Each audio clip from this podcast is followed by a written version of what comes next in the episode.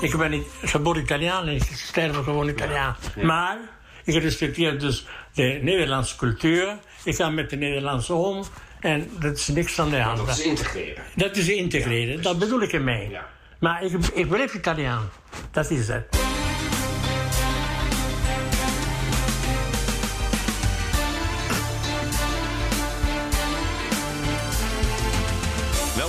Aflevering 80 alweer van de Italië-podcast. Ik ben Evelien Redmeijer. Ik ben Donatello Piras en deze aflevering gaat het dan eindelijk over Eindelijk. immigratie. Ja. ja, we kijken naar hoe de eerste Italianen naar Nederland kwamen en vooral waarom ze dat deden. En voor mij is het ook een persoonlijk verhaal, namelijk het verhaal van mijn vader. Hij vertrok eind jaren 60 vanuit Sardinië. Waarom koos hij uiteindelijk voor Nederland? En want het was niet het meest populaire land voor Italianen toen de tijd. Ik heb hem speciaal voor deze podcast kort geïnterviewd. Leuk. Straks meer. Eh, en we hebben natuurlijk bijpassende cultuurtips. Zowel in boekvorm als in film. Maar we hebben ook een aparte cultuurtip. En daar weet jij weer van. hè? Zeker, zeker. Ja, Ben ik, dat verklap ik ook alvast, heel enthousiast over. dat is weer mooi. Ja. Ja, maar eerst eh, de wijn. Nou ja, de wijn, dat was dus wel het aanvankelijke idee. Ja, maar ik... Ik heb ja, maar, gefaald. nee, god, nou... eh, Kom nou eens even overeind, voordat jij weer helemaal Nee, nee, nee, maar- in tranen op de grond gaat liggen. dus ik, ik ga mezelf niet zwelgen in. maar, maar, maar, maar, maar, maar, zwelg je, dat is helemaal niet nodig. Want Mirto uit Sardinië, Ja, dat wat is- het uiteindelijk is geworden... dat Dat is toch prachtig? Zeker. Het verhaal van jouw ouders en jij als oorspronkelijke Sardijn... Mirto wordt gemaakt van... God, wat zijn Mirto's? En zwarte bessen? Eh, Meerte, dus dat zijn de Zwarte de, de bessen. zwarte bessen, de Ja. eh eh, myrtille. Cassis. Myrtille, ja, ja, ja. Myrtille, en Ja. Frans- ja. Dus dat groeit natuurlijk heel erg veel in de Middellandse Zee. Ja. En daar maken ze dan een drankje van. Superlekker. Al heel lang. En Ja. het is wat limoncello ooit voor Napels en Sicilië was. Met name Napels en Sicilië. Nu inmiddels heel Italië. En in ieder restaurant doen ze een limoncello. Ik vind dit lekkerder. Mirto, ik ben heel, Nou. heel, heel erg kamp Mirto. Ja, maar ik, ben, ik bedoel, maar Mirto is het typische Sardijnse Zo drankje. lekker. Ook koud drinken. Ja. Doen we nu. Ja, daar gaan we. Ja. Mm. Ja, het is, een, het is een digestief, dus pas Ja. op. Hè. Je, je, je, je, eh, Je drinkt het als limonade. Of nou, ik heb je net opgebiecht dat ik het ooit als hoestdrank heb gebruikt. Of een soort dat ontzettende wel, keelpijn. heeft was ik een beetje zoet, 223, 22, 23. Nou, niet zo heel lang geleden. Dus, eh, en ik had een eh, ontzettende keelpijn. En het was Mirto. Ik at, en er was Mirto, ijskoude Mirto. En het is, het is een beetje hoestdrankje-achtig. Dus ik bleef dat maar mijn keel ingieten. En dat snap ik. Maar het heeft wel 32 procent. eh, Ja, dus dat was meer voor de volgende dag. Was dat wel jammer, want ik had dus naast en nog steeds toch die keelpijn. Ook hoofdpijn? Ook, ontzettende hoofdpijn. Maar op dat moment, gewoon die, dat, die instant relief van dat dat koude dat Ja, gewoon ja. door mijn keel ging en verdoofde.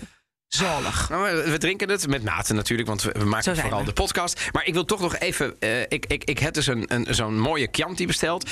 En in de jaren. Maar waar- waar bestel je het dan? 70, Dit 80, was nou, zo- moeilijk te vinden. Oké, die, bestellen dus ook niet. Die bezorgen dus niet de volgende dag. Dus het bloedirritant. Maar goed, ehm, wat ik er dus lastig aan vond. Ik dacht, jaren 70, 80, Italiaans restaurant. Had een visnet aan het plafond. En had Chianti flessen met een, de mandflessen. Met Ja, een ja. fiasco. Ja. En de fiasco was dan dat stro eromheen. En die zijn nog steeds te verkrijgen. Natuurlijk schaars, want bijna niemand drinkt ze. Vroeger was dat overigens ook goedkoper en niet hele goede wijn. Mengden ze dan met allemaal druiven uit het zuiden ook nog. Tegenwoordig is een Chianti natuurlijk fantastisch. Althans, oké. en soms fantastisch. En ik dacht, ik ga nu in 2022 weer zo'n fiasco bestellen. Ja. Weer een Chianti. Kijken Ja. hoe die smaakt. Ja. Maar hij is al besteld. Morgen wordt die bezorgd. Dus ergens de komende weken Gaan we hem sowieso gaan we proeven? hem sowieso proeven. Gaan we sowieso proeven. Vind je dat oké? Ik vind het zeker oké, maar ik ben voor nu heel blij met de Mirto. Oké, goed zo.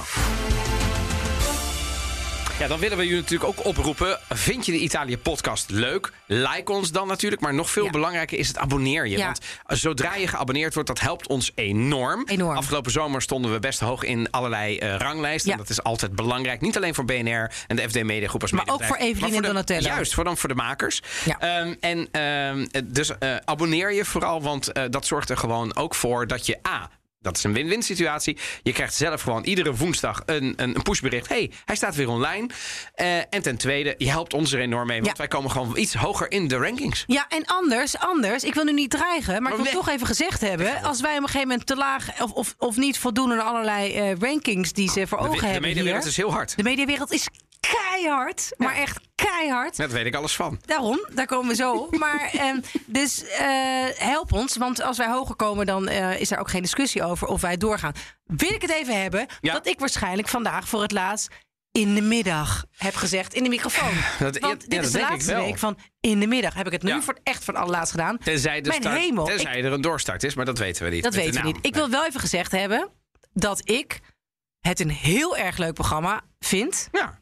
En dat ik jou echt subliem en fenomenaal vind als nieuwspresentator. Dat meen ik serieus. Ja, Ik weet even niet weer wat ik moet zeggen. nu, ik weet, ik weet dat, dat je dat van mijn, van, van, van mijn, mijn, mijn, van mijn cynische... Jij, jij, jij trekt nu een atje water, oh niet eens Mierto. Nee, nee, wat dat en dat je niet had verwacht dat ik hier nu eh, zo'n loftrompet zou afsteken. Maar dat meen ik serieus. Ik vind het echt... Ik luister extreem graag voor je, naar je. Eh, ik vind dat je heel goed geïnformeerd bent, goed doorvraagt, eh, een fijne sfeer houdt, geestig bent, eh, goed uit je woorden komt, een prettig stemgeluid had, maar dat wist ik al. Dus sommige dingen wist ik al. Maar nou, ik vind het onbegrijpelijk en jammer dat je niet meer iedere dag op de radio bent. Dus dat wilde ik even gezegd hebben. Eh, ik hoop wel dat je in ieder geval mijn eh, Italië-podcast compaan blijft. Nee, dat sowieso. Ehm, dat, dat was er eerder dan ja. in de middag en dat zal langer dan dat weten we nu Precies, inmiddels. wij overleven ja, in de middag. 1 april, of eigenlijk per 4 april, maar dan stopte. hè, 31 maart is uh, zal mijn la- de- dat is deze week. Ja, ben ik er ook Eh, zal bij? de laatste uitzending zijn van In de Middag. Ben ik er ook Donderdag eventjes zit bij? jij in het mediapanel, dat is morgen. Zeker. Zal ik, daar, zal ik even goed mijn zegje doen? Ja, en, eh, Nee, en daarna stopt het in ieder geval met de dagelijkse nieuwsshow. Ja. Maar er komt ook een nieuw programma. Eh, ik ga ook koplopers presenteren. Dat is een, een, een wekelijks programma. Dat is natuurlijk niet de dagelijkse nieuwsshow. Maar joh, je weet niet wat er allemaal nog aan kan komen. Dat is ook zo. In de toekomst. Dat is ook zo. Eh, maar dank. En eh, ik heb het ook met enorm veel plezier gemaakt. En ondanks het feit dat er heel veel nieuwe kansen komen, is het soms ook jammer dat dingen, dat dingen stoppen na een iets kortere periode dan ik ooit had gerekend. Maar goed. Maar het is wel zo, en ik wil, ik wil jou nu niet een soort. Hè, wat, wat, wat mannen dan zeggen tegen vrouwen: van ja, maar het is ook wel goed dat je nu weer bij je gezin kunt zijn. Maar het, Nou. misschien is het wel verfrissend als een vrouw het een keer tegen een man zegt. Dat, eh, jij hebt natuurlijk wel echt een bizar schema gehad met jonge kinderen. Ja. En er is een baby geboren in de tijd dat jij dit programma Ja, presenteerde. ik heb Je twee hebt- dagen verlof opgenomen, toen ben ik doorgegaan. Ja, je hebt eh, eh, COVID gehad eh, door een niet nader te noemen persoon. Je bent heel erg verkouden geweest door een niet nader te noemen persoon. Je hebt een wel nader te noemen eh, ontzettend leuke echtgenoot... die ook ambitieus is en in de mediawereld werkt. En, dus af en toe dacht ik wel, hoe doen ze het? En niet Ja. eh, op de manier, hoe doet ze het? Want eh, daar moet de vrouw alleen voor zorgen. Maar gewoon, hoe doen ze het? En ik kan me wel... Nou ja, eh, weet ik veel. Ja, je moet er iets van maken. Ja, ehm, eh, geniet van je vrije tijd. En dat je dan lekker eh, eindeloos met je kinderen gaat, gaat tekenen. Maar ik weet zeker, er komt weer van alles. En ik vind het jammer dat het programma st- stopt. Want het was, ik zit veel in de auto als verslaggever. slash vrachtwagenbestuurder. Wat ik me heel vaak voel eh, als ik hier door het land rijd. En ik luister altijd... Dat was een hele goede journalist, even niet. Ja, nou goed, ik zit vooral kilometers vreten, voor mijn gevoel. BP-stations leegkopen met, met, met, met, met tikkels en, en voor verpakte broodjes. Maar daarnaast ben ik ook een goede journaliste. Maar daarnaast luisterde ik ook tijdens het reizen heel graag naar het programma. En nou ja, ik eh, ga het ongetwijfeld proberen in een nieuwe samenstelling. Zeker. Maar ik Ik, vind bedoel, eh, ik, ik wens mijn collega's Kees Dorenstein en eh eh Lisbeth Staat Ja. natuurlijk heel veel succes. En blijf altijd luisteren naar BNR Nieuwsradio. Dat ik heb- gezegd hebben... Ik heb nog wel even wat lezerspost. Ja, we ja. echt, want lezerspost, we gaan natuurlijk Ja. de lezerspost induiken die we hebben gekregen naar aanleiding van de meerdere oproepen die we hebben gedaan om ons te helpen met een mooie aflevering over het thema immigratie en dan migratie naar Nederland. Maar dit vond ik wel zo'n mooi bericht van Martin Turiaco. Ja. Dat ik het goed zeg. Hij schrijft namelijk over ehm, zijn vader. Ja, het is echt een heel mooi verhaal. Die is opgegroeid in Sneek, een Italiaanse vader uit Sicilië. Snit. Ja, en hij ehm, is dus eh, overleden, al een tijdje geleden, eh, begin maart. En hij heeft een dienst gehad in Sneek. En volgens Italiaanse traditie schrijft Martin Moesers natuurlijk in de katholieke kerk. Oh, De dienst werd geleid door pastoor van der Weijden en was online te volgen via een stream voor de familie in Italië. Vind ik al heel oh, mooi. ja, ja. Toch vind ik dan heel. Zijn we natuurlijk wel een beetje ook, hè? aan gewend geraakt door COVID, maar toch mooi dat dan, nou ja, Sneek verbinding maakt met Italië. Eh, de dienst, zegt Martin, heeft iedereen geraakt. Omdat hij ten eerste mijn vader en daarmee de kern van, naar mijn mening, Italië heeft laten zien aan iedereen die aanwezig was. Samen zijn, dat is het allerbelangrijkste. En ik zal onder de tekst bijvoegen, die ga ik even voorlezen. Delen uit de mis. En dat was namelijk voor zijn gevoel. ehm, Heel erg hoe, het, hoe zijn vader eigenlijk ja, in het leven stond en hoe je die het best kon beschrijven. Saverio, Saverio, de man van de traditie, het samen eten en drinken. Saverio, die man die nooit alleen een fles wijn zou opentrekken, hield van het leven en wist het te vieren. Daarbij wist hij zich te gedragen. Hij wist hij zich gedragen door zijn geloof en putte hij steun en kracht uit het voorbeeld van Padre Pio, ja. op dit moment de meest populaire volksheilige van Italië. Dus blijf vooral doen wat Saverio zou belangrijk vindt, blijf het leven vieren. Houd de traditie in stand die dit mogelijk maken en laat vooral elkaar niet los. Ook al maken we fouten, ook al zitten we er wel eens goed, na, goed naast. Verbreek de band niet en blijf geloven in de innerlijke kracht die woont in je hart. Ik vind het heel erg mooi. En ook omdat er natuurlijk ook een soort. Nou ja, daarnaast zijn er. ehm, niet alleen deze mooie woorden uitgesproken, maar er is niet zo'n vies klef cake moment geweest met, met, met, met, met, met Nee, koffie. Met zo'n, nee. Maar als echte Siciliaan heeft eh, zijn vader eh, had als wens om iedereen kennis te laten maken met cannoli Siciliani. Certo, ja. Naast de uitgebreide lunch later op de dag, die was er dus ook. Dus eh Vicio il Maestro Pastaio ken ik niet in Amsterdam. Die heeft zaterdagmorgen. tip, gaan ja. we dus wel eens proberen. ja. Zaterdagmorgen om 9 uur stonden er 60 cannoli met verse Ah. ricotta klaar voor transport naar Sneek. Nou, echt een bijzonder verhaal. En dat vind ik ook mooi dat toch iemand die al heel lang in Nederland woont en hier is, is nou ja, eh, Nou. ja uiteindelijk eh, zijn leven heeft opgebouwd. Sneek. Nou, komen we nog op. Maar ja, dat, eh, en dat wilde ik. Ik heb een vraag gevraagd, uiteraard, aan Martin of we dit mochten delen. En dat mocht. Dat eh, vond hij mooi. En we kregen er mooie foto's bij. Dus eh, bijzonder, bijzonder verhaal. Zo zie je maar dat Italië en Nederland al, al heel lang met elkaar verweven zijn. Fijn. En ik vond het ook een heel ontroerend verhaal. Ehm, eh, en ik v- vond het met name ook mooi dat eh, de, met, met, we krijgen enorm veel lezerspost. Daar zijn we he- altijd heel dankbaar mee. En iedere keer het, word ik weer geraakt door de eh, enorme veelheid waardoor on- waarmee onze luisteraars bezig zijn. En sommigen hebben iets met het thema wielrennen, anderen weer met wijn. Eh, en, en dit zijn dan weer luisteraars die gewoon iets met Italië hebben door een familieband, trouw luisteren. En dan gebeurt er dit en dan willen ze het ook nog met ons delen. Dus het is meer dan een eer om, eh, om dit te doen. We gaan het hebben over immigratie. En ehm, ja, die, die, die immigratie begint met een fragment uit eh, Zaanstad. Want de Zaanse flat, de spaghetti flat, was in de jaren 60 en 70 eh, voor een groot gedeelte Italiaans. Heel veel met strand, was geen tuin hier, echt gewoon zand en koeien waren. Verderop was een hele grote molen, midden in de weg. Wel jammer dat die weg is, want het was heel leuk. Nou, aan de overkant had je het eh, clubgebouw De Gong. Dat was het Italiaanse eh, clubgebouw. Daar zaten over het algemeen eh, de mannen. Wij woonden in het eerste portiek op nummer 92. Daar ben ik geboren.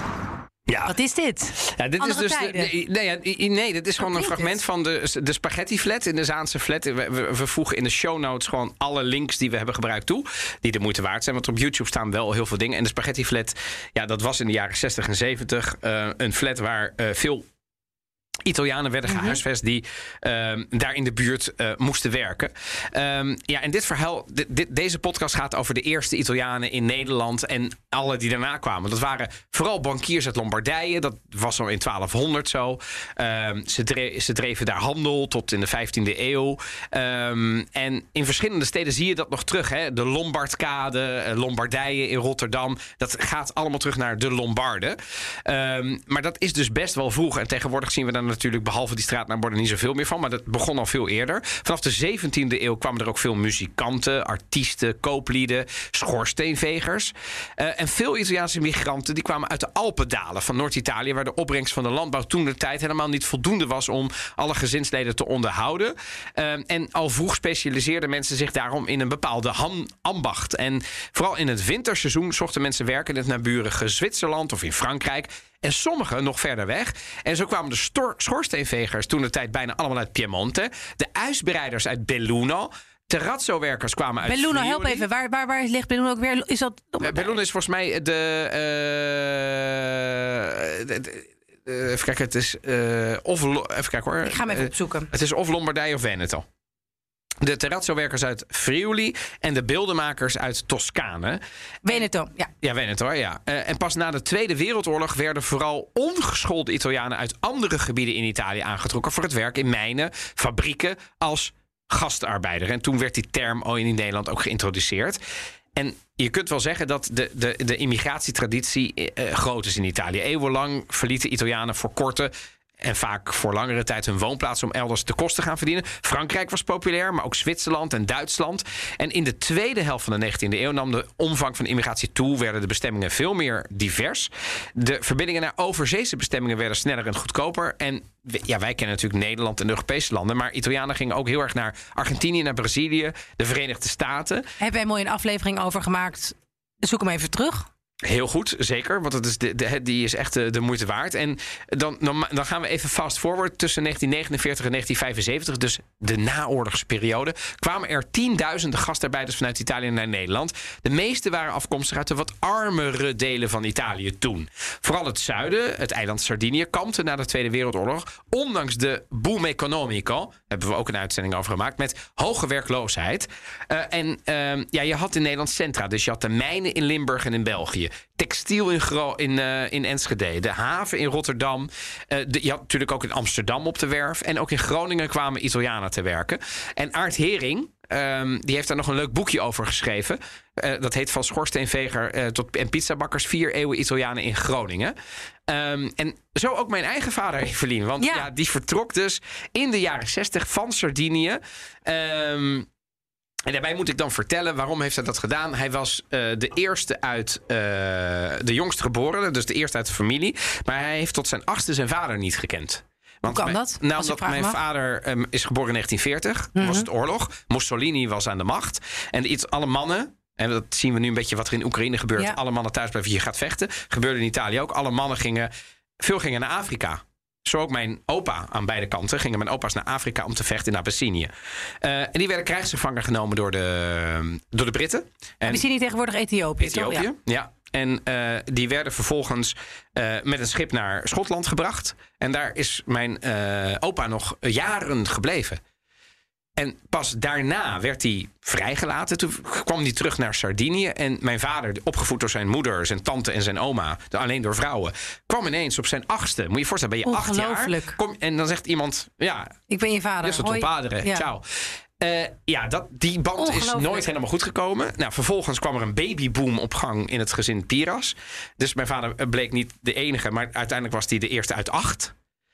En ja, er moest geld verdiend worden voor acht kinderen. Voor en dat werd alleen maar lastig. En uiteindelijk heeft hij dus besloten: ik ga weg. Eh, hier in Sardinië, het is een eiland. We kunnen daar niets verdienen. Ehm, en ehm, hij ging eerst naar Duitsland. Daar heeft hij een paar maanden gewerkt. En op een gegeven moment zei hij... Ja, toen werd het daar ook anders. Er kwamen heel veel andere emigranten toe. Ineens Turken en Marokkanen. En dat was een soort eh, eh, eh, enorme golf aan, aan nog meer werkenden. Dus hij is toen weggegaan. Toen ging hij naar Nederland. Ik kwam naar Amsterdam toen. Drie maanden, van mei tot juli. Ik heb het dus, eh een tweede dag heb ik het dus weer eh, werk gevonden. Bij de bolsfabriek. Kijk, maar je bent niet gebleven in Amsterdam. Nee, want eh, dat was, eh, ja, eh, te duur. Te duur. Ja.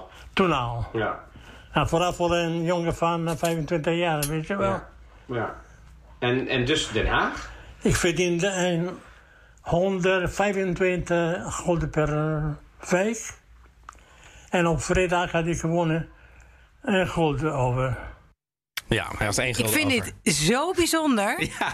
Nee, ik, ja, ik schiet ongeveer vol. Maar dat zal wel, omdat ik dan misschien... Want we sturen elkaar de scripts toe. En we Ja. hebben niet alle tijd om het helemaal te luisteren. Nee. Maar ik was er gewoon niet helemaal op voorbereid... dat we gewoon jouw vader in Ja. een fragment zouden horen Ja. over in het Nederlands. Ik vind het, ik vind het bijzonder, bijzonder... ehm, ja, mooi, mooi om te horen. Ja, ook omdat het gewoon toch... Dat, dat accent, dat, dat raakt me. Want ik, ik, ik ken Italië, ik ken Nederland. Maar ook gewoon Ja. zo... was Van, ja, toen kwam je dan en, en die gulden die je overhield en zo. Wat moet dat, wat moet dat bizar zijn Ja, geweest... om in ja. die tijd zo'n stap te zetten. Maar ik moet, ik moet zeggen, dat is mijn vader. En daar heb ik hem ook wel op bevraagd. En we ook al honderd fragmenten kunnen kiezen. Maar we, hebben, eh, hebben, we maken een podcast van ongeveer altijd dezelfde eh, lengte. Dat willen we dit keer ook zo houden. Ehm, en Van mij is- mag je langer worden. Ja, nee, maar het is eh, uiteindelijk, kijk, zijn verhaal, hij is altijd positief. En dat is toch ook wel iets. Ik bedoel, mijn moeder kwam op een gegeven moment ook mee. Ja, en die heeft het ook heel moeilijk gehad in het begin. Want die, die had eigenlijk nooit een soort bewuste keuze gemaakt. Die woonde in Genua toen de tijd. En die dacht: oké, dan gaan we naar Nederland. Nou, dan kom je in een land met de gordijnen dicht. Eh, je kon niks kopen wat een Italiaan in die tijd kocht. Ze verstond de taal niet en je woonde bij een hospita. Jee, Ja. als jonge vrouw. Ja. Weet je wel, dus die heeft het echt. de- de- ik bedoel, dus we kunnen daar heel romantisch over doen. Maar het was best wel lastig voor die mensen. Ehm, en eh, vriend van de show, Juriaan van Wessem, Ja, altijd super geïnformeerd. Zeker. Op, ik bedoel, hè, hij is inmiddels een enorm goede sportjournalist, maar de man is op een heleboel vlakken echt goed geïnformeerd over Italië. Eh, en hij stuurde vanuit Cannes. Eh, Frankrijk een interessant kaartje door. Met daarin de locaties. Ik, geef hem nu even aan jou en ik zal hem ook publiceren met. ehm, eh, hij was weer op een tentoonstelling geweest. De eh, locaties van de Italiaanse immigratie. Ehm, eh, en overigens, daar staat de Verenigde Staten op. In podcast 60 is dat. Welcome to America. goed dat je dat even erbij hebt eh, veel andere landen ook. En eh, marginaal de Naar Benelux Nederland. eigenlijk. Ja, marginaal, ja. En hij schreef daar nog bij. Maar dit is 1860 tot 18- 1870, hè? Dat is deze stroom. Tenminste, als ik het goed begrijp. Ja, maar dat betekent dus de. Nee, sorry, 1860 tot, 18, eh, tot 1960. Ja, ja precies. Dus dit was zeg maar de, de, de- hoeveel Italianen eigenlijk naar de rest van de wereld Ja, gingen. ja. En Benelux marginaal. Heel weinig, ja. Eigenlijk wel. Maar goed, ehm, en, en hij stuurde er nog één. En dit is het staatje uit de jaren 80. Fantastisch. Ehm, eh, en daarin zie je zeg maar de verdeling van de Italianen in Nederland in de jaren 80. Eh, nou ja, eh, volgens mij is het vooral Noord- en Zuid-Holland. En dan hebben we natuurlijk ook nog de mijnen. Eh, in Limburg, daar zitten er natuurlijk ook. Maar volgens mij, als je naar Flevoland of Drenthe en zo.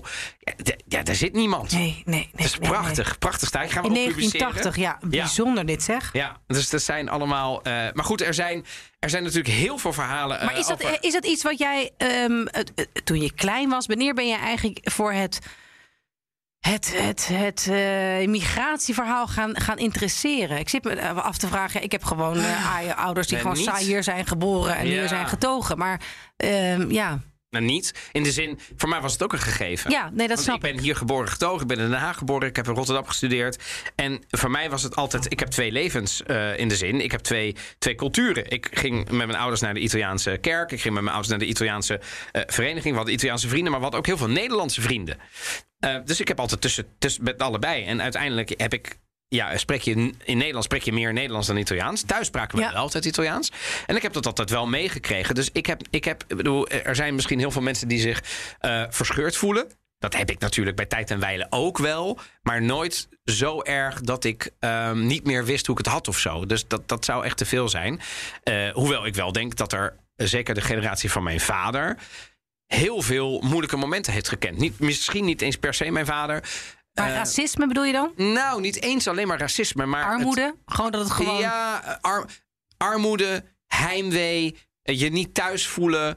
ehm, tegenslagen niet kunnen delen met je beste vrienden of je familie, want die zijn er niet. Die staan honderden of duizenden kilometers verderop. Dus ehm, het, het, het is soms lastig geweest. En er zijn heel veel verhalen en we hebben het onze luisteraars gevraagd.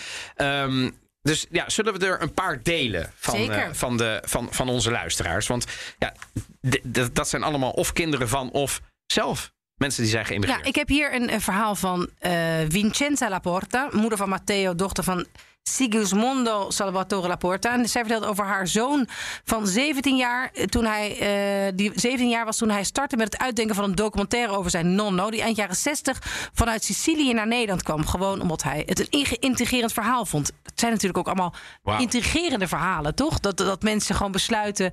Ja, dat is gewoon niet meer te vergelijken met het, het veranderen van land vandaag Nee. de dag. Dat is gewoon Nee, echt nee, je oude leven En opgeven. we hebben een mobiele gewoon... telefoon en we hebben het geld is hetzelfde en het eten is ongeveer hetzelfde. Dus althans, je, zou, je kunt in Nederland nu iedere dag een volledig Italiaanse maaltijd krijgen. Ja, er is Mijn vader kon dat niet, want die ging Nee. eens in de zoveel tijd zei die gingen we naar België. Daar waren heel veel Italianen in de mijnen, dus daar hadden ze een, een grote winkel en daar kochten we dan wat Italiaanse spullen. Nee, dat was want het. bij Simon de Wit of Albert Heijn Ja, kon je dat niet krijgen. nee, nee, nee. Nee, bizar. Dus dat, dat waren echt, dat moeten we ook ons toch wel echt wel gewoon realiseren. Ja. Dat in die tijd dat, dat mensen, ja, misschien dat je nog wel eens in Italië kwam, maar je startte gewoon echt een totaal nieuw leven. Zeker. En je moest van eigenlijk alles. het- gewoon een heel leven afscheid nemen. En ook met, met het eten en gebruiken en dingen. En dat dat allemaal heel vreemd werd. vrienden. familie, vrienden. Maar eh, we zullen deze documentaire die op YouTube staat, zullen we zeker posten bij de, bij de show notes, Ja. zou ik zeggen. Eh, want er is dus, hij heeft voor zijn eindexamen in 2017 op Sicilië ehm, de documentaire Di Niente. eh, gemaakt over zijn opa, die dus in de jaren 60 vanuit Sicilië naar Nederland is gekomen. Dus ehm, ja, Dat is een van de reacties die we kregen. Ik heb altijd gevoeld dat jij iets anders wilde. Io sono Sigismondo Salvatore Laporta, sono nato in Italia il 10 gennaio 1947 a Nicosia, in Sicilia, e abito qui in Olanda dal eh, settembre 1969.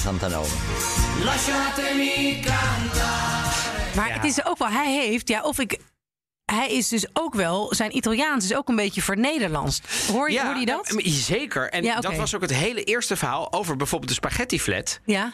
De, overigens, dat is een, een voor mij af en toe bizarre serie. Omdat ik. Dan zie je dus.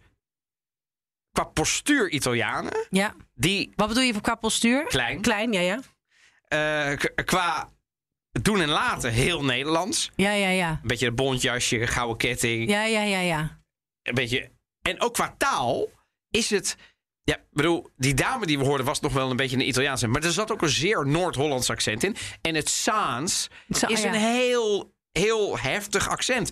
En al die mensen praten dus best wel met een Saans accent. En zeker die tweede generatie, ja, daar hoor je natuurlijk helemaal geen Italiaans in terug. Dus ik vond het ook wel machtig om, ehm, om, dat, om dat te merken. Maar dit is dus een van de verhalen die we, die we, die we dus kregen. Ik ga eventjes naar de eh Twentse spaghetti-rellen. In het prachtige plaatje Oldenzaal was het niet altijd pijs en vree. De onrust in Oldenzaal houdt dagenlang aan. De Italiaanse arbeiders bij Gelderman gaan in staking. Ze voelen zich bedreigd en eisen bescherming. Velen verlaten Twente. De Italiaanse consul moet eraan te pas komen om de gemoederen te sussen. Ja, verhaal Sorry, is moet- daar. Sorry, ik moet een beetje lachen. Nee, natuurlijk. Ja, maar dat is natuurlijk, het gaat natuurlijk niet altijd goed. Eh, overigens eh, zeggen de meeste Italianen ehm, eh, in allerlei boekwerken die er zijn... dat ze best wel goed geïntegreerd waren. En als je het aan de Nederlanders vraagt... er zijn zelden grote opstootjes geweest met Italianen. Maar we hebben er dus wel een gevonden in Oldenzaal. De Twentse spaghetti-rellen. waarin een hele grote groep Italianen... die dus werkzaam waren daar in, in die fabriek... ehm, ja, het gewoon het klassieke verhaal. Ze pakken onze vrouwen af... En Ja, de- vonden ja. dat natuurlijk wel interessant. Want er was er dan eens zo'n donkere met van die kralenogen. En die keek dan. En nou, dat was wel wat, dat was wel wat anders dan. eh want, Hans. eh, maar, maar, niet, maar geen Brabants praten. Maar ik kan. eh, Nee, hallo, Nee, nee. hallo. Inmiddels mogen we weer een beetje Brabants nee, praten. dat mag niet. Mag, Jawel. Nee, tukkers. Aanvankelijk werd getracht om de Italianen met enige aandrang te verwijderen. Dit ging niet. Men keerde zich tegen de politie. Toen zijn allereerst de burgers verwijderd. Daarna werd andermaal getracht om de Italianen met enige drang te verwijderen. Deze keerden zich tegen de politie. Even de zin. Eerst werd geprobeerd de burgers te verwijderen. En toen de Italianen. En toen de Italianen, want dat zijn geen burgers. Nee, ja, nou, ja. tweede randsburgers. Nee, ja, maar dat, weet ik niet, dat weet ik niet. Nee, dat weet ik ik vond het zo mooi. Want ik bedoel, ik, ik zie hier ook helemaal. Maar dit heeft, is wat heeft, jouw, gebeurt. heeft jouw vader racisme meegemaakt in, Ita- eh, in Nederland? Of heb je daar wel eens met hem over gehad? Ja, ik denk, nou nee. Ik, eh, ja, ik denk het wel, natuurlijk. Iedereen heeft racisme meegemaakt. Alleen, ehm, kijk, mijn moeder zegt altijd, eh, die heeft ook gewerkt. En die is eigenlijk na mijn basisschoolperiode, is ze meteen gaan werken. Eh, en uiteindelijk heeft ze heel lang bij eh, Bank Mees en Hoop, wat daarna Mees Pierson is geworden. Ja. En heeft ze gewerkt als directiesecretaresse op de, wat uiteindelijk private banking is geworden. Ehm, en zij zei, ik moest wel altijd zo, dubbel zo hard werken. Want je hebt natuurlijk iets van een accent. Ze Oh. weten dat je Italiaans bent. Dus mijn moeder was altijd degene die overwerkte, want het ging altijd af. Ze- Het Nederlands moest altijd perfect zijn. Dus een brief werd. Het kan niet zo zijn dat zij een brief schreef met taalfouten. Dus zij is iemand die nog steeds de taalfouten bij mij er af en toe uit kan halen in het Nederlands. Hè. Dus eh, je wordt perfectionistischer, want je weet dat je Ja, ja. dubbel beoordeeld wordt. Dus ja, was er sprake van nee? Was er, maar ja, was er misschien af en toe sprake van grapjes? Tuurlijk was er sprake dat mensen je lacherig, de spaghetti, weet je wel, Ja, de, ja, de, ja. de, de corrupte dit. Tuurlijk, maar is dat racisme? Ehm, ik denk dat als je Surinamer bent, dat je dan meer racisme hebt ervaren in Nederland dan een Italiaan. Hoewel, ik praat voor mijn ouders en voor mezelf. Ik kan niet praten over de totale Italiaanse gemeenschap. Want Nee, ik denk tuurlijk. zeker dat maar dat maar hebben je geweest. ouders het, het, het eh, ja, voeden je ouders, z- nou ja, zeg Nederlands? Of, of eh, ja, Nee. nee? Nou, dat is wel grappig. Ik, ik, ik, er is een, een, een leuke anekdote. Je had in, in, in Nederland had je het LISE. Het Landelijk Inspraakorgaan Zuidelijk Europa. Lekker, lekker ambtelijk apparaat. En dat was een officieel orgaan waar dan de overheid zo nu en dan mee praatte. En dat was dan denk ik interessant, want dan, hadden we, dan konden we zeggen... we hebben banden met die gemeenschap. Maar Zuidelijk Europa was van, van Griekenland, Italië, Spanje, Frankrijk... eh, zeg maar heel veel. En uiteindelijk werd zelfs Kaapverdië daar nog aan toegevoegd. Dus het was Zuid-Europa. Ja, Oh, ja? Zuid-Europa. Dus het werd een, maar ik ben één keer op zo'n congres geweest in mijn, in mijn jeugd. Met mijn vader, die daar dan als vertegenwoordiger van de Sardijnse gemeenschap ook was. En ik weet nog dat de Spaanse voorzitter toen enorm van leer trok. En die riep: Integratie, ja. Assimilatie, nooit. En toen dacht ik: oh ja, dat was toen een Dus thema. nooit integratie, Jawel. nooit assimilatie. Nee, integratie ja. Assimilatie nooit. Oké. En ik vroeg mijn vader of hij vond dat hij geïntegreerd is. Integreren is, is oké. Ik ben ook geïntegreerd Ja. in Nederland. Hè? Ja. Maar assimileren, dan, nee, dat niet. Ik ben niet geboren Italiaan en ik sterf gewoon Italiaan. Maar ik respecteer dus de Nederlandse cultuur. Ik ga met de Nederlandse om. En dat is niks aan de hand. integreren. Dat is integreren, dat bedoel ik ermee. Ja. Maar ik, ik blijf Italiaan. Dat is het. Maar hij spreekt wel, ja, het is misschien heel belerend en, en, en, en stom dat ik dat zeg.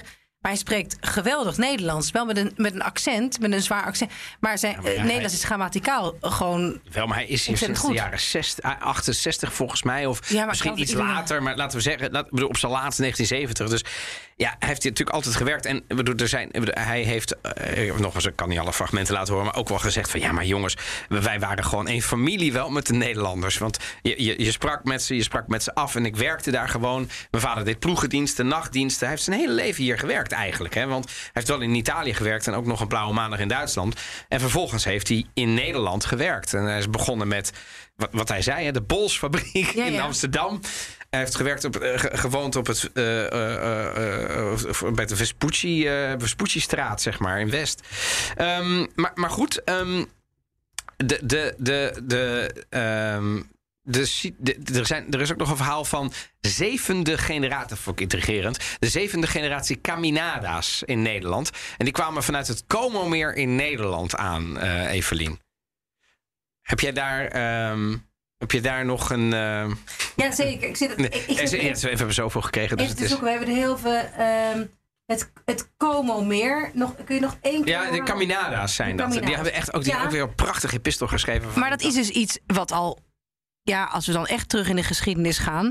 Dat is iemand die heeft geschreven dat hij de zevende generatie. bizar. Caminadas is in Nederland. In 1788 Wauw. kwam Carlo Antonio Caminada vanuit Barney bij het Komenmeer naar Delft. Ik weet niet de reden, schrijft ze, waarom hij naar de Republiek der Zeven Verenigde Nederlanders, zoals het toen nog heette, zegt, kwam. we waren nog niet eens één. eh, ja.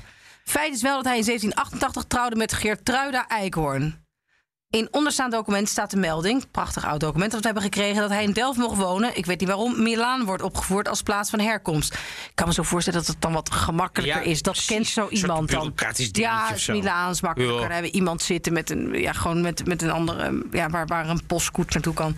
Wellicht dat hij daar op dat moment van emigratie daar woonde. Uiteraard ligt Barney wel in de buurt van Milaan. Ook de tenaamstelling eh, is opvallend. Eenmaal in Nederland, wat nog niet helemaal Nederland was, vernederlandt zijn naam naar Carolus Antoni Caminada. Hij is maker van meetinstrumenten. Bijzonder. ja. Twee generaties later ontstaat er, ontstaat er een Haagse en een Rotterdamse tak van instrumentenmakers. Mijn vader heeft nog een barometer van de, eh, van de gebroeders Caminada. De Haagse tak, schrijft ze, ontwikkelt zich tot een familie van notarissen, doktoren en ondernemers. Zo had je in Den Haag Caminada Meubelen en Caminada Classics op de plaats. Tegenover de Hofvijver. Ik stam af van de Rotterdamse tak. Daar zie je meer leraren en docenten. Het verhaal ging in de familie over een Caminada die naar Delft kwam om te trouwen, instrumentenmaker was en, en er twee takken daardoor ontstonden. In de eerste link onderin wordt dit bevestigd, zullen we ook toevoegen. Ik vind het geweldig dat de naam Caminada nog steeds bestaat en wordt doorgegeven. Het is weer wat anders dan Jansen en de Boer. Zo is het wel. Heb je dat ook niet? Vind je het niet leuk om, om Piras te zijn en niet de Vries?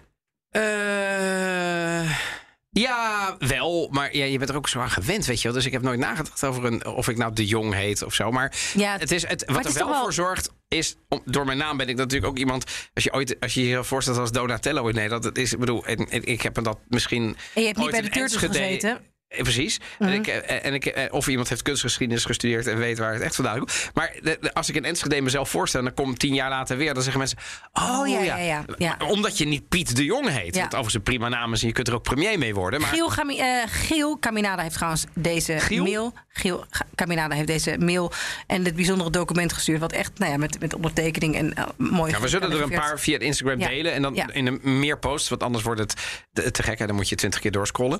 Maar, Ja. dit- maar dit, teken- dit het wel. De Italianen. ehm, mijn vader heeft op een gegeven moment ook opgezomd van... joh, weet je wel, we waren in de jaren... Er waren er zo'n 19.000 in heel Nederland toen. En 2000 bij ons. En eh, hij zei toen, ja, de missionaris. Want je had toen de Italiaanse missie in Nederland. Dat was dan de kerk. Dus de dienst werd dan in het Italiaans gehouden. Maar er waren niet zoveel Italianen. Spanjaarden, eh, eh, Duitsers, Engelsen. Iedereen was eigenlijk meer. Turken, Marokkanen ook. Ehm, en ehm, die Italianen waren wel geïntegreerd, maar die organiseerden zichzelf uiteindelijk ook met eigen verenigingen. Eh, mijn vader is dus heel lang bestuurslid geweest van de zogenaamde Cire Colossardo, zo'n Italiaanse club. Met zelfs een oef overkoepelende federatie, die dan weer congressen hadden ieder jaar met de federaties in de rest van En de van wereld. het koor.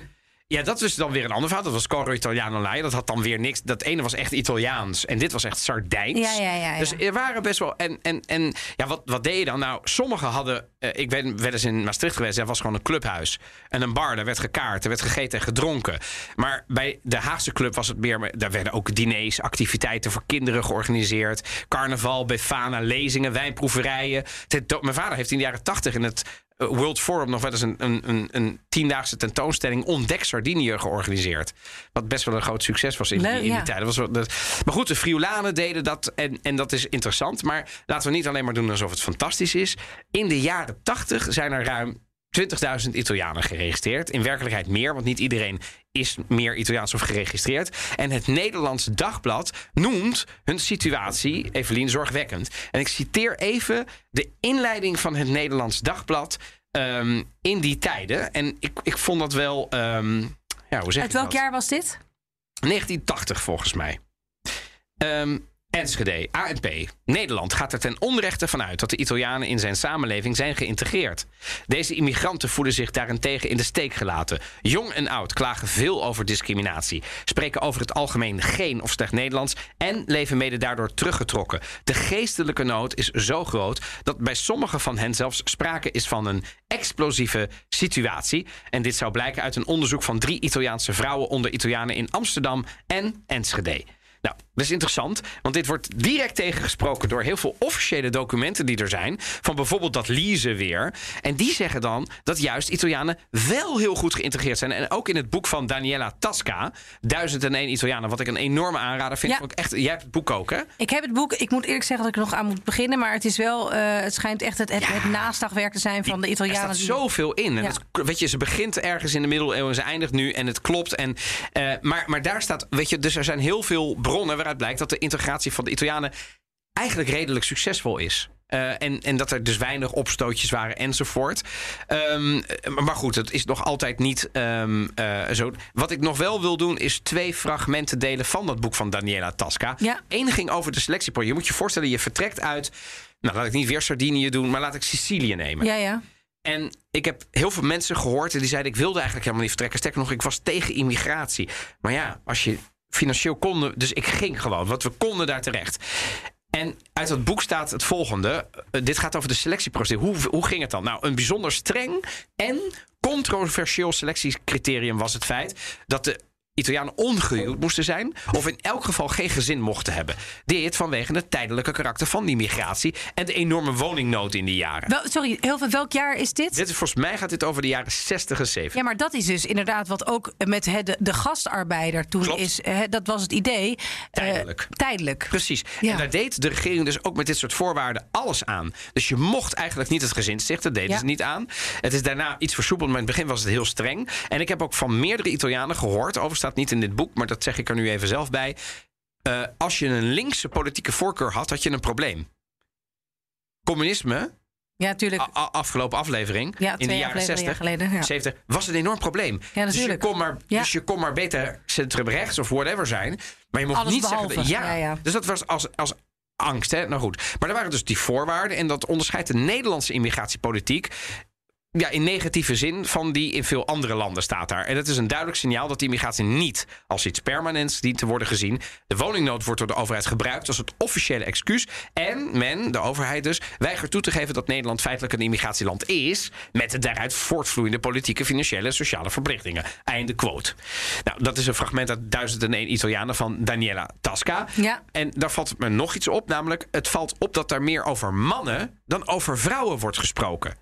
Maar de Italiaan, laten we eerlijk zijn, het gaat vaak over de Italiaanse man, dat zijn vaak de eerste. Maar de Italiaanse vrouw is er uiteraard ook. En hoewel sommigen van hen zich toch wel aanpassen aan het model emigratie, huishouden, sparen, terugkeer naar het vaderland, trotseren we juist veel vrouwen de weerstand van twee nog voornamelijk door mannen gedomineerde samenlevingen. De Italiaanse en de Nederlandse. Want we, doen, we moeten niet doen alsof dat heel anders was toen. Ze overwinnen objectieve moeilijkheden als de taalbarrière. Nou ja, mijn moeder heeft inderdaad de taal geleerd. Heeft eerst de moedermaan van de moeder HAVO gedaan. En de communicatieproblemen die het gevolg zijn van een verschillende mentaliteit. En gaan aan het werk om bij te kunnen dragen aan de gezinseconomie. Dat is letterlijk copy-paste, ook mijn gezin. Dat ik heb is, nog wel eh, een heel mooi verhaal dat ik eventjes... We zullen ongetwijfeld uitlopen, maar ik wil toch Oh, het verhaal ook... nog mee. van luisteraar eh, Pasquale Battistuzzi... die in Nederland werd geboren en een Italiaans gezin... eh, uit een Italiaans gezin in Venlo, wil ik vertellen. Oh ja, dat, gaat namelijk verhaal. over wat, ik, wat ik interessant vond. Hij vertelt over zijn vader, Luigi Battistuzzi, die uit een gezin komt van zeven jongens die aanvankelijk allemaal veehandelaren waren. Met enkele koeien aan de lijn eh, gingen ze lopend 's s'nachts de pad op eh, om naar de markt te gaan. Om vervolgens na afloop van de markt soms met lege zakken weer naar huis terug te keren. En Luigi beviel dit werk niet. Na drie jaar lagere school huppelde hij van de ene klus naar de andere. Zo heeft hij als wegarbeider aan de Brennerpas gewerkt. Daarna ijsventer in Milaan is hij geweest. En zijn baas veranderde van plaats en trok naar Nederland, naar Deverton. Samen met deze jonge Luigi. Al gauw kreeg hij in de gaten dat wat zijn baas kon, hij ook wel in staat was te doen. Hij trok naar Utrecht, waar inmiddels zijn broer Pietro zich aansloot. Utrecht was voor zijn ijshandel geen succes. Vond ik heel interessant. Waarom niet? Het likken van een ijsje op straat was not done. Oh, wauw. Het aanbod van klanten bleef beperkt tot de achterbuurt. Hè? Omdat het gewoon totaal ordinair en vulgair en slecht. En dat doe je niet allemaal aan een ijsje te likken op straat. Echt waar? Ja, vind ik heel grappig. Nou goed, en daarna is- zijn ze verder gegaan. Ze zouden op een gegeven moment weer teruggaan eh, naar Italië. eh, maar bleven haken in Venlo. En tussendoor is er getrouwd met Maria, die zich bij Luigi in Venlo vroeg, vro- eh, voegde. En in het begin. Eh, schrijft hij, waren er fikse taalproblemen. Maria wees in de winkels aan waar ze boodschappen Ja. deed. Ja, ja. En al snel, al snel ging ze door als doofstom daar in het dorp. En ach, vind ik dan zo ja, echt hartverscheurend. Ja. Eh, hetgeen bij, de meeste, me- bij veel mensen medelijden opriep. Men probeerde het gezinnetje, dat inmiddels met een dochter, Claudia genaamd, was uitgebreid, waar mogelijk bij te staan. Een domper was het overlijden van Claudia, arme. eh, arme ziel ten gevolge van een uit de hand gelopen infectie. In 1941, begin van de oorlog, werd Pasquale ik. Dat is de schrijver van de brief Oh, de van de brief. Ja. En de luisteraar van de podcast. En de dus. luisteraar van de podcast. Luigi en Maria namen de beslissing de zaak meer naar het centrum van de stad te verplaatsen. Achteraf bleek dat een gouden greep. Dat je ook denkt van yes, het gaat, het gaat ze voor de wind. De wind komt in de zeilen. De ondernemerschap. hè, Maar goed, de Tweede ja. Wereldoorlog komt eraan en was voor de Nederlandse bevolking een beproeving. Bombardement, hongersnood en vervolging van Joden zijn slechts enkele gevolgen van deze oorlog. Voor de geëmigreerde Italiaan, die inmiddels goed geïntegreerd in de Nederlandse samenleving was, kwam er een moeilijkheid bij. Want tijdens de oorlog koos Mussolini voor een bondgenootschap met de Duitse dictator Hitler. Hierdoor raakte Nederla- Nederland indirect in oorlog met Italië. En het had vervelende gevolgen, schrijft hij, voor de Italianen in Nederland, die alles behalve zaten te springen om een conflict met het gastvrije Nederland waar ze woonden. Toch was er altijd angst dat er iets vervelends kon gebeuren. En dat was ook de reden wauw. dat zijn ouders ah, eh, hem bij een tante in Bronsolo onder zouden brengen. En hij bracht daar een jaar door. En iedere ochtend was er een loopje naar het station van Bronsolo. Eh, en na de bevrijding vond de wederopbouw plaats... waarbij de mensen zich de luxe konden permitteren van een ijsje. Eindelijk was het ijsje gewoon een soort teken van welvaart. En de zaken gingen goed. Luigi had het geluk dat Amerikaanse soldaten... die voor de bevrijding hadden gezorgd... geregeld aan de rand van Venlo eh, waren voor, om een ijsje daar te kopen. En deze militairen waren van huis uit gewend ijs te eten. Luigi zag een gat in de markt. De Amerikanen leverden een belangrijk ingrediënt, namelijk de melk die in de winkel niet was te verkrijgen. En Luigi, dus waarschijnlijk had hij daarvoor sorbetto's gemaakt, sorbetto-ijs gemaakt, met Ja. op basis van water. Ja. Ehm, een, een vastgesteld deel van de producten en loon mocht hij voor eigen rekening aan de klant brengen. Het mes sneed dus aan meerdere kanten. Amerikanen, hè, eh, die leverden dus die melk. En ehm, ehm, Ehm, ja, de, de broer van Luigi, Pietro, eerder genoemd, en zijn, en haar, eh, zijn echtgenote Lisetta waren al voor het uitbreken van de oorlog naar Venlo gekomen en zetten zich in door te helpen in het leveren van ijs aan ondernemende Venlonaren die het product verder aan de man brachten. Nou, en daarna gaat het verder dat zijn zus werd geboren na de oorlog en dat het, eh, dat het verder dus. ehm, nou ja, eh, oom Pietro en tante Lisetta met hun kinderen Claudio en Italio bleven in Venlo om de zaak open te houden. Oh. Ehm, en, maar het gezin ging dus weer terug naar Italië. Ah, dus hij is terug. Ja, dus dat vond ik interessant. De, de eerste jaren gingen wij kinderen met de ouders mee. En ik kan me herinneren dat we via huiswerk het gemis van regulier onderwijs op school eh, opvingen. In de hoge klasse was de oplossing met huiswerk niet meer mogelijk. Aangezien wij kinderen niet meer mee konden verblijven, mee konden komen, verbleven wij bij de wederzijdse families. Mijn, dus, mijn zus Luigina werd in de periode dat onze ouders in Nederland aan het werk waren op kostschool in Corneliana ondergebracht. Wat de contacten en sfeer met mijn ouders betreft, stond de ijs. Maar eh, wat de contacten en sfeer met mijn ouders betreft, stond de ijszaak op de eerste plaats. Dus ze zijn wel veel in Italië nog geweest en ook daar naar, nog naar school gegaan. Ehm, ja, een bijzonder verhaal. Ik vond het vooral bizar ja, gewoon hoe ijs een beetje zijn plek in de Nederlandse cultuur heeft gekregen. Ook eh, ja, dankzij en via de Italianen. Maar het- ik had het ook nog nooit zo direct gehoord dat het natuurlijk ook een bizarre tijd moet zijn geweest. Dat je hier opeens in Italië eh, als Italiaan in Nederland zat. Nee, in de die oorlog. natuurlijk ja, Ja, aan de verkeerde kant stond je ja, toen. Ja, zeker, ja. Terwijl er misschien Ja. niks en, en dat je met de nek werd aangekeken. Ja, nee, ja, en, ja, en, en, ja, dat is natuurlijk, ja. Ehm, kijk, eh, als we even fast forward gaan naar 2022, de Ja. situatie nu. Kijk, inmiddels wonen er weer meer Italianen dan toen in Nederland. Eh, bijna 65.000. Waarbij alle Italianen die de Nederlandse nationaliteit hebben niet eens worden meegenomen. Nee. Ehm, ja, wat is eigenlijk nu de samenstelling? Want ik heb de indruk, het is nu niet alleen maar de terrazzo-werker, de schoorsteenveger, Nee. de ijskoman. Het is heel anders en heel, het is veel diverser nu. Zeker. Eh, eh, Veel hoogopgeleiden komen hier, eh, komen hier naartoe. En die gaan aan de ene kant hoogopgeleid werk doen. Aan de andere kant ook gewoon ken ik genoeg mensen die er afgestudeerd zijn in Italië. En hier in de bediening gaan werken of Ja. in, in keukens gaan werken. Dus die, die, ja, die brain drain die is, die loopt nog steeds onze kant, onze kant op.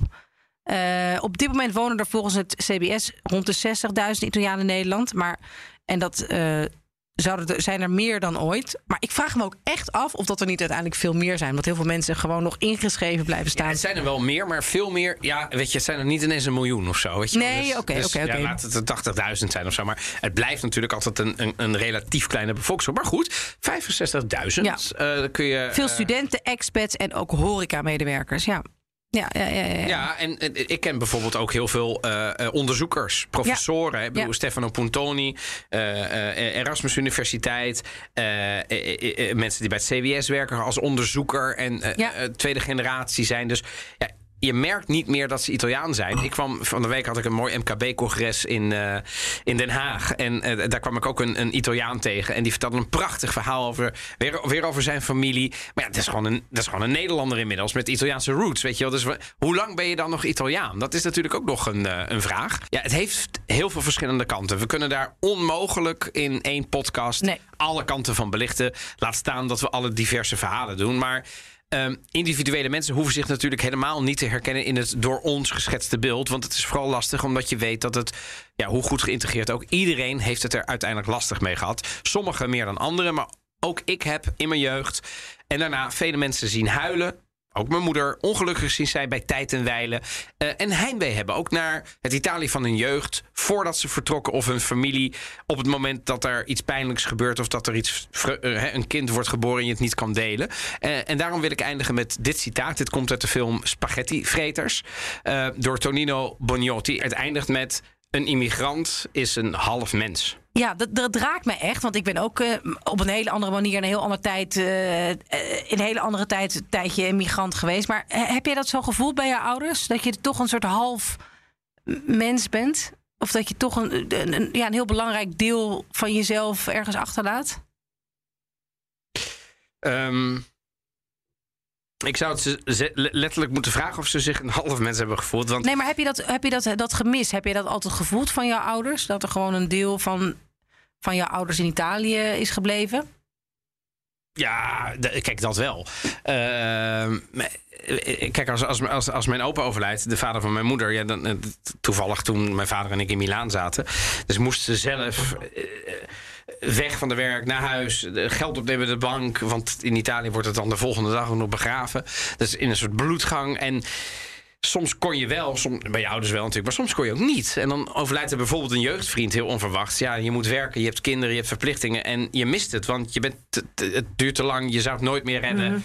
Ehm, en tuurlijk is dat, weet je, ieder mens heeft tegenslagen. Maar ik denk juist met immigranten, zeker als het westerse immigranten zijn, die het relatief makkelijker hebben dan bijvoorbeeld eh, mensen uit misschien de moslimcultuur, omdat het ook nog religieus en cultureel iets meer afstand is.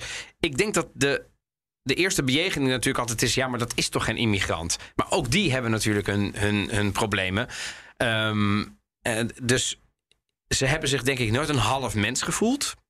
Daar hebben ze zelf wel voor gezorgd ook. Eh, en ik denk dat mijn vader... Die, Maar ze snappen die, de uit... die- Sorry, ja? die, die spreekt ook echt wel over Nederland als een gasvrij land en een fijn land. Mhm. dus, dat, dus ze zullen nooit zeggen dat het tegen is gevallen op dat vlak. Maar, ze snappen de uitspraak misschien wel. Als in misschien dat het niet... op- Maar ze snappen het ergens dat- wel. Ik denk dat beide ouders, de een meer dan de ander, maar zeer zeker de uitspraak. Uiteindelijk is een immigrant, ben je soms voor jezelf een half mens. Het kan denk ik niet anders. Ja. En dan gaan we naar de cultuurtip. En dat is deze. Sono sereno, sto bene. Magari ero un po' nervoso di mio, eh. Stai bello di fuori, eh. Ha parlato quella che da fuoco alle case. Non sono Alle persone non gliene frega niente. eh. Pensano di aver ragione solo perché sono di più. Quelli normali. En dan sono pazza, hoorde ik. Ja. Nou, het is, ik moet zeggen, de film heet Marilyn Gli Neri. Het is van Marilyn Monroe, Marilyn Gli Neri. Eh, het is een film op die op Netflix staat sinds eh, twee weken. Eh, een film met een lach en een traan. Sinds, het gaat over een soort psychiatrische instelling waar mensen met schizofrenie, Jules Latourette en andere aandoeningen zitten. En eh, onder andere een chefkok die een woedeprobleem heeft. En eh, daar komt die komt daar terecht na de zoveelste woedeuitbarsting. Dat is ook een prachtig eh, scène waar hij dus met die muziek op de achtergrond gewoon een hele prachtige opgemaakte dinerzaal aan gruzelementen slaat. Eh, hij stottert, hij is neurotisch. Oh, wauw. En hij ontmoet daar uiteraard in de groepstherapie de prachtige Clara. Die ontkent dat ze problemen heeft, maar waar ook van alles mis mee is. Al is de boodschap van de film ook ja, dat niemand normaal is en dat het misschien wel leuker is om wat minder normaal te zijn. Ehm enfin, ze gaan een restaurant openen met deze groep, eh, groep eh, die in therapie is met elkaar. En het wordt dan eh, een gezellige, mooie, sentimentele en uiteraard ook romantische film. Ik zal niet te veel Oh. verklappen. Stefano Accorsi heb ik, die je net ook hoorde. Die heeft, vind ik, de meest prachtige stem eh, van Italië. Misschien wel van de wereld. Hij spreekt de Peugeot-reclames in, in eh, Oh, Italië. wauw. Hij heeft een hele... Ja, hele, hele- maar ja. Molto. En ik vind hem... Molto hij zit ook in eh, L'Ultimo Bacio. Het is een beetje de Barry Atsma van Italië. hij zit gewoon in iedere film. En dat is ook wel een beetje het Is het, probleem. is het ook een lekker ding? Ja, is ongelooflijk. Ja, oh, nee. Ja. Oké. Ja. Dat is ook belangrijk. Ja. Ja, is belangrijk. Dat is belangrijk. is niet, on- niet onbelangrijk. onbelangrijk. Niet onbelangrijk. Ja. Ehm, en eh, dat is ook het enige probleem. Want ik heb heel veel films. Ik, ik kijk al zijn films. En ik weet dat allerlei eh, moeilijke acteurs. Ik heb een tijdje eh, met een acteur ben ik een paar jaar geweest. En, En met een doppiatore. ja. eh, nee, nee, niet een dopjator, maar iemand die in die Oh, industrie eh, ja, ja, dat- werkt. ja. Maar, maar, dus ik ken ook twee acteurs die in die film zitten. Toevallig Oh, uit die scene uit Genua. Grappig detail. Maar die vinden bijvoorbeeld, eh, daar, die halen een beetje de neus op. het- ja, is, misschien is het niet highbrow genoeg, eh Stefano Accorsi. Ik weet niet of dat voor Barry Asma hier ook geldt. Maar het is iemand die gewoon in alle grote films speelt. En dat is ook wel het probleem dat ik wel dan denk van... oh ja, daar heb je weer Stefano Accorsi. En dan moet ik maar een beetje wennen dat hij met zijn mond trekt... en zenuw, zenuwtics heeft. Maar ehm, ik vind het een ontzettende opbeurende, lieve film. En ik wilde erbij zeggen, ik denk dat hij volledig roosproef is. En dat is belangrijk. Ja, vind ik belangrijk. Want als er te veel pief-paf is, dan. Nee, eh, er zit weinig pief-paf in. Geen Gomorra-achtige praktijk. nee, er liggen weinig lijken te rotten op straat. Precies. Ja, Ja. er, er worden weinig mensen doodgeschoten vanuit, de, vanuit de en zo, rottende ja. flatgebouwen. Hè, wat fijn toch? Ja. Ja. na, na deze aflevering over de immigratie die ons heel veel heeft gebracht. Ja, hebben we toch mooi. ook een hele mooie opbeurende tip inderdaad. Eh, ja, ik vind het mooi. En Ja. eh, we, gaan hem, we gaan hem hierbij afsluiten. Het was alweer het einde van deze aflevering van de Italië-podcast over immigratie. Then at last. Ehm, We hebben een, eh, een sterrenaflevering volgende week. Volgende week. Oh, ja. Ja, Massimo ja, Bottura. ja. De chefkok. Eh, meerdere malen uitgeroepen tot het beste restaurant ter wereld. Ik hoop dat jij gaat koken. Houd toch op. Ach, neem de uitdaging aan. Ik vind dat jij dan iets moet koken. Ik ga erover nadenken, want het is bijna niet te doen natuurlijk in dit kleine studiootje. En hoe ga ik het hier ooit warm naartoe voor. krijgen? Nee, je hebt de tijd om erover na Mm. te denken. Ik zou het heel leuk vinden. Ik ga erover nadenken. Volgende week Massimo Bottura. Wil je nog meer afleveringen van de podcast luisteren? Abonneer je. Je vindt ons in de BNR-app of natuurlijk in je favoriete podcastplayer. Grazie e alla prossima. Ciao, ciao.